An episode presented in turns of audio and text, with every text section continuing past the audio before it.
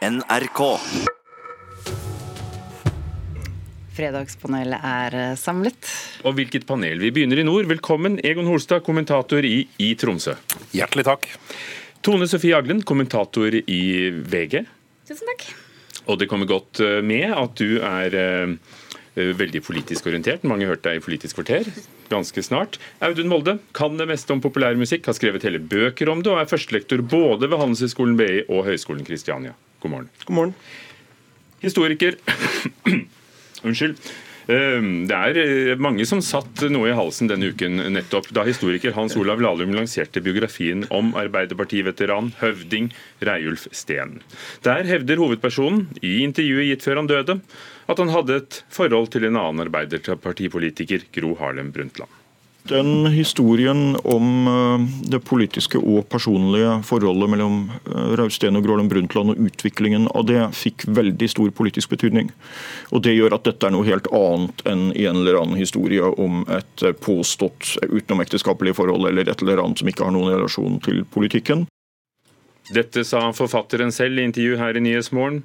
Er det i orden å viderebringe påstander om seksuelle forhold i en biografi? Nemlig påstander. Egon Holstad, Nei, nei, nei, nei, nei. Tone Sofie Aglen, Ja og nei. Audun Molde. Jeg sier ja med et gjesp. Fordi, har, har du hørt det før, var det det? Eh, Ja, jeg har hørt det før, eh, men altså, biografer må jo kunne skrive om hva de vil. Og jeg tror kanskje de fleste vil synes at dette ikke er så veldig spennende. altså Hvem som har hooka med hvem på jobben for 40 år siden. liksom. Det må da være mer interessante ting å skrive om enn det.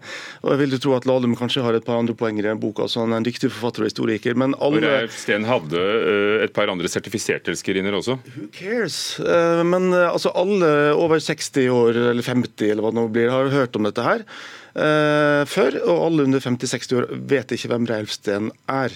Og jeg tror kanskje ikke dette er det de vil vite først. Tone Sofie Aglen, det, det virker jo som ganske mange bryr seg fremdeles.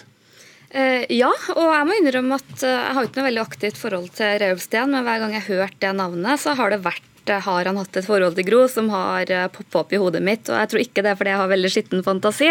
Og vi vet at eh, når Se og Hør omtalte den saken, så var det den mestselgende bladet i deres historie, i hvert fall inntil da. Så jeg tror det har vært en enorm interesse rundt eh, det spørsmålet. Er det tabloiden Egon Holstad som fråtser i dette tabloider som NRK.no, VG og, og andre aviser?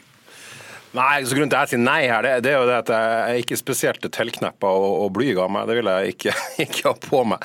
Det jeg tenker på er det at eh, For det første så tar Audun Molle veldig feil i sin eh, matematikk her. Jeg er jo da godt under 50 år og husker Gjelv Steen kjempegodt. Ikke, ikke, minst, ikke minst den saken her. Eh, det som er spesielt her, er jo det at jeg tenker på, altså Hans Olav Lahlum, som da er en veldig sånn grundig fyr. Den boka her er vel, jeg tipper den er på sikkert 60 000 sider, eh, og som er veldig opptatt av historie, som er veldig opptatt av politikk. Og så må han altså reise rundt fra historiker. ja, og han må altså da reise rundt fra TV-studio til radiostudio til avisredaksjon og snakke bare om sex. Eh, og, det, og for meg så er det sånn her eh, Gro Harlem Brundtland og Rellef Steen de nekter å forholde meg til det som seksuelle vesen. Altså, jeg, jeg vet de har barn begge to. Og, det, er liksom, det er landsmoderen. Jeg vet at mormora mi nødvendigvis også må ha hatt sex for at jeg skal sitte her i dag, men jeg, jeg har ikke lyst til å tenke på det. Så jeg, Gro Harlem Brundtland, Kåre Willoch, Einar Gerhardsen og Rell Steen, jeg vil slippe å forholde meg til det seksuelle når deres navn kommer opp. Det, det er veldig veldig forstyrrende for meg som enkeltindivid. Men så er det det, da, eh, Aglen. Når disse menneskene er, som Lahlum sier, de er på toppen i norsk politikk, eh, statsministre, partiledere, har slike ting, sant eller ikke sant, en betydning for landet?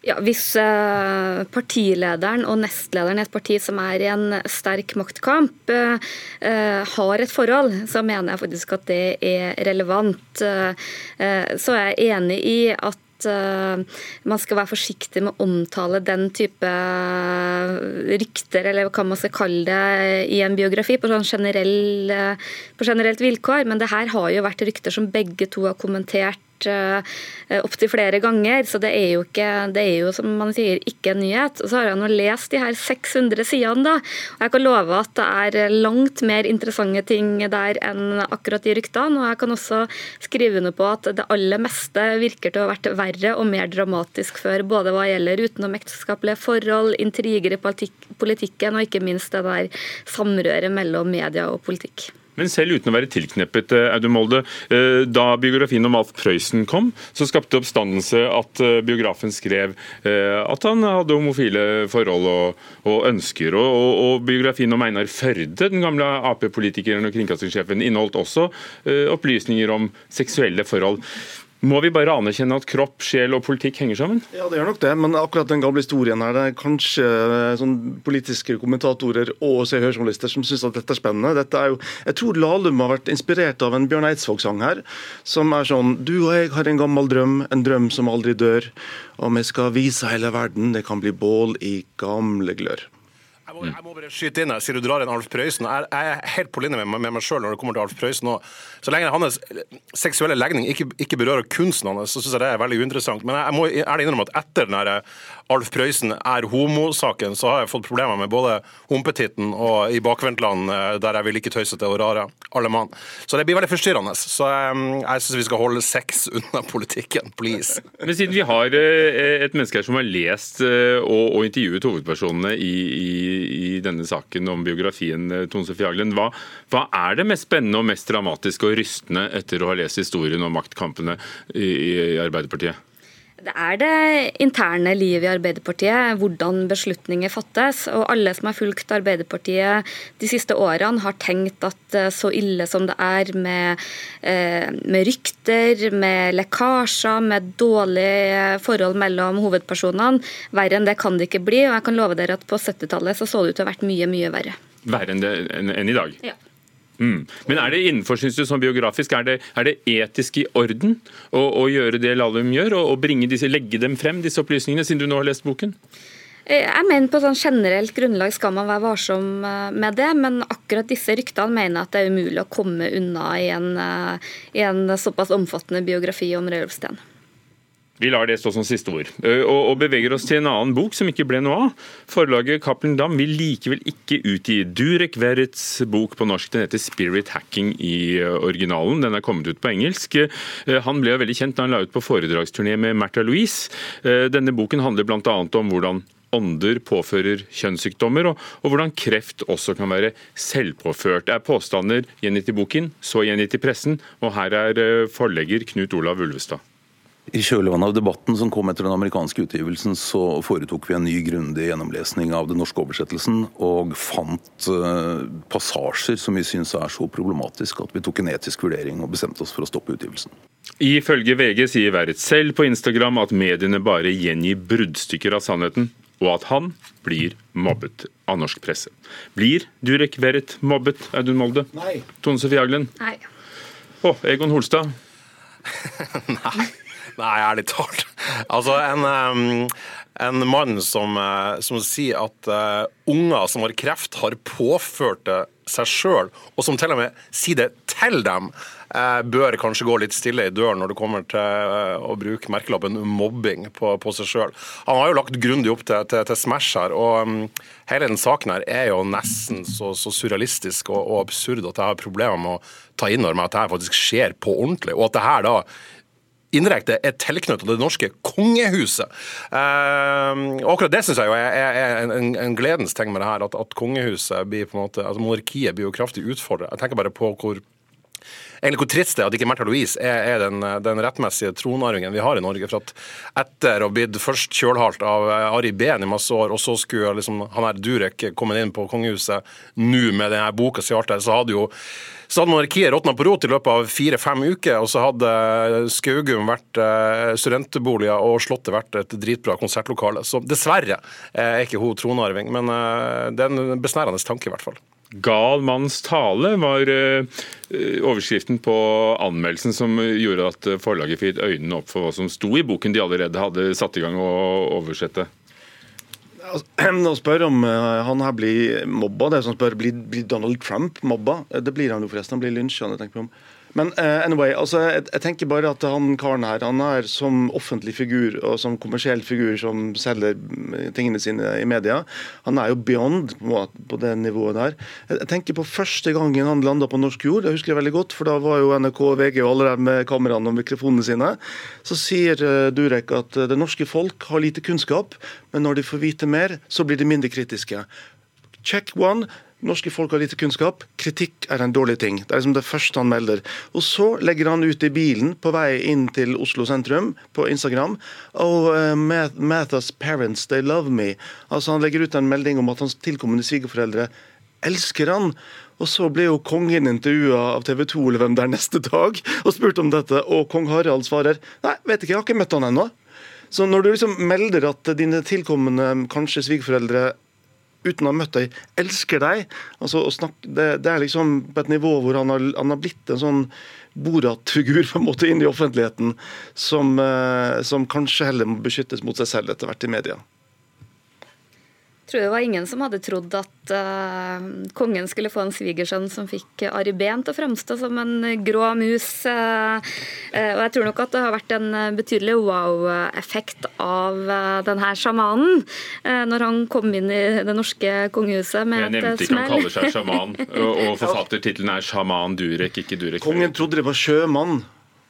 Men jeg må, jeg må, jo si at jeg, eh, selvfølgelig er det mange som fikk kaffen i vrangstrupen eh, over han, men jeg opplever ikke at det er noe mye mobbing eller rasisme eller sånne ting som han eh, trekker fram. Og jeg opplever også at han er opptatt av å selge et produkt, et meget tvilsomt produkt. og Da må han helt åpenbart tåle kritikk, og kanskje har han nesten heller fått litt for lite av det. Og man trenger jo kanskje ikke et forlag for å få utgitt en bok lenger? Nei, han, nei det trenger man ikke. Men han, han, er jo helt selvgående på alle vis.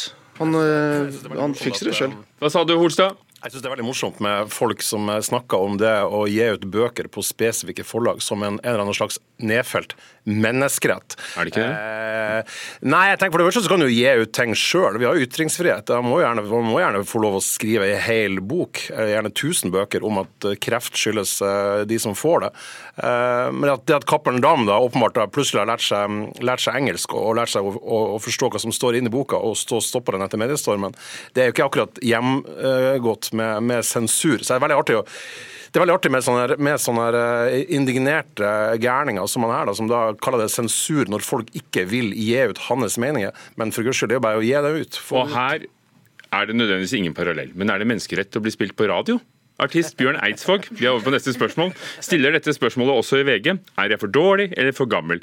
Etter at P1 ikke ville spille den nye låten han hadde laget sammen med Sigvart Dagsland. Den kombinerer slagerne 'Eg ser' og 'Alt jeg så' til 'Alt jeg ser. Jeg.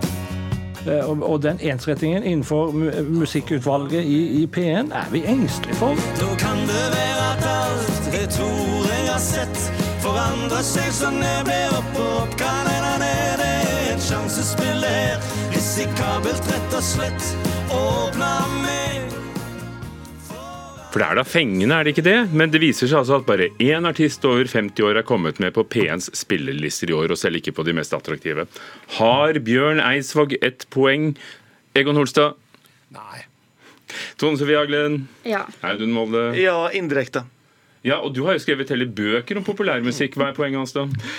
Nei, altså det er jo, eh, Når vi har Egon på laget, her, så er det jo for en deltidssatiriker som meg, så skal jeg overlate til Egon å ta den totale satiren her. Men det indirekte poenget det er at uh, for en artist i Norge å ha en livslangt yrkesliv, det er ganske krevende.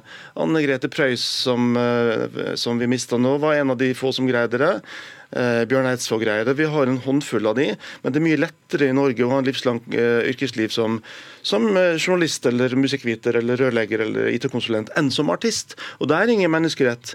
Eh, men det er, det er, krevende, og det er på en måte det indirekte poenget tror jeg, til Bjørn Eidsvåg. Men eh, han er jo ikke den rette personen til å si det. Det hadde vært helt annerledes hvis en annen artist i hans aldersgruppe hadde sagt det. Eh, og NRK er heller ikke riktig skyteskive, for NRK spiller jo faktisk mye norsk musikk. Holstad, han sier at han eh, tar kampen på vegne av vanvittig mange artister, og du la deg ut med ham. Ja, altså, jeg kan vel knapt minnes i mitt 47-årige eh, liv å ha hørt og sett eh, et, et verre eksempel på, på, gråting for sin syke mor.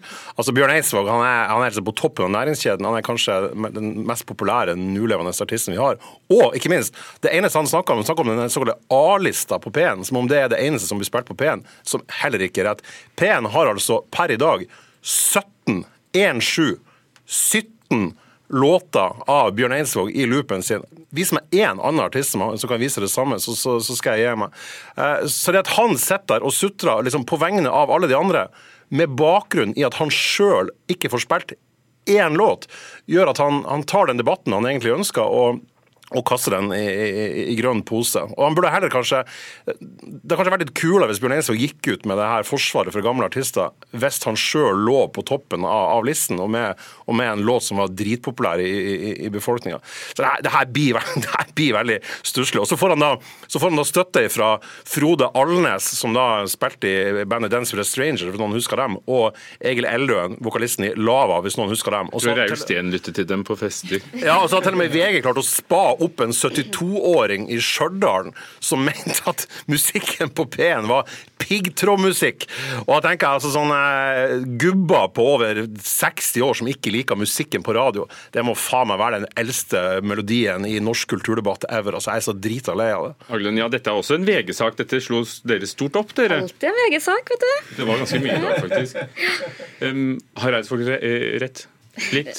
Han er jo ikke den rette til å klage, der er jeg veldig enig med Egon. Men jeg syns han har et poeng hva gjelder uh, musikkprofilen til P1. Og jeg syns at uh, det er en viss ensretting, og, uh, og, at jeg tror nok at P1 tror, eller kanskje enda mer håper, at lytterne deres er yngre enn de er. Men jeg hørte litt på P1 i morges, jeg hørte de spilte Jørn Hoel. men det var en gammel låt, så det er vel kanskje ikke helt naturlig. Sikker på at du ikke var på P1 pluss? Nei, jeg var ikke det. Men nå er jo eh, radio på vei ned, da, og folk finner musikken sin andre steder. sorry to say, Så det er kanskje ikke så viktig. Men for den eldre aldersgruppe så er jo musikk på radio fortsatt viktig, faktisk. Og for talen kan jeg fortsatt anbefale radioen. Takk skal dere ha, Fredagspanelet i Nyhetsmorgen i NRK P2. Eh, og Alltid nyheter opp på NRK1. Eh, Egon Holstad, kommentator i Tromsø. Tone Sofie Aglen i VG, og Audun Molde, førstelektor og, og forfatter av alt mulig om populærmusikk.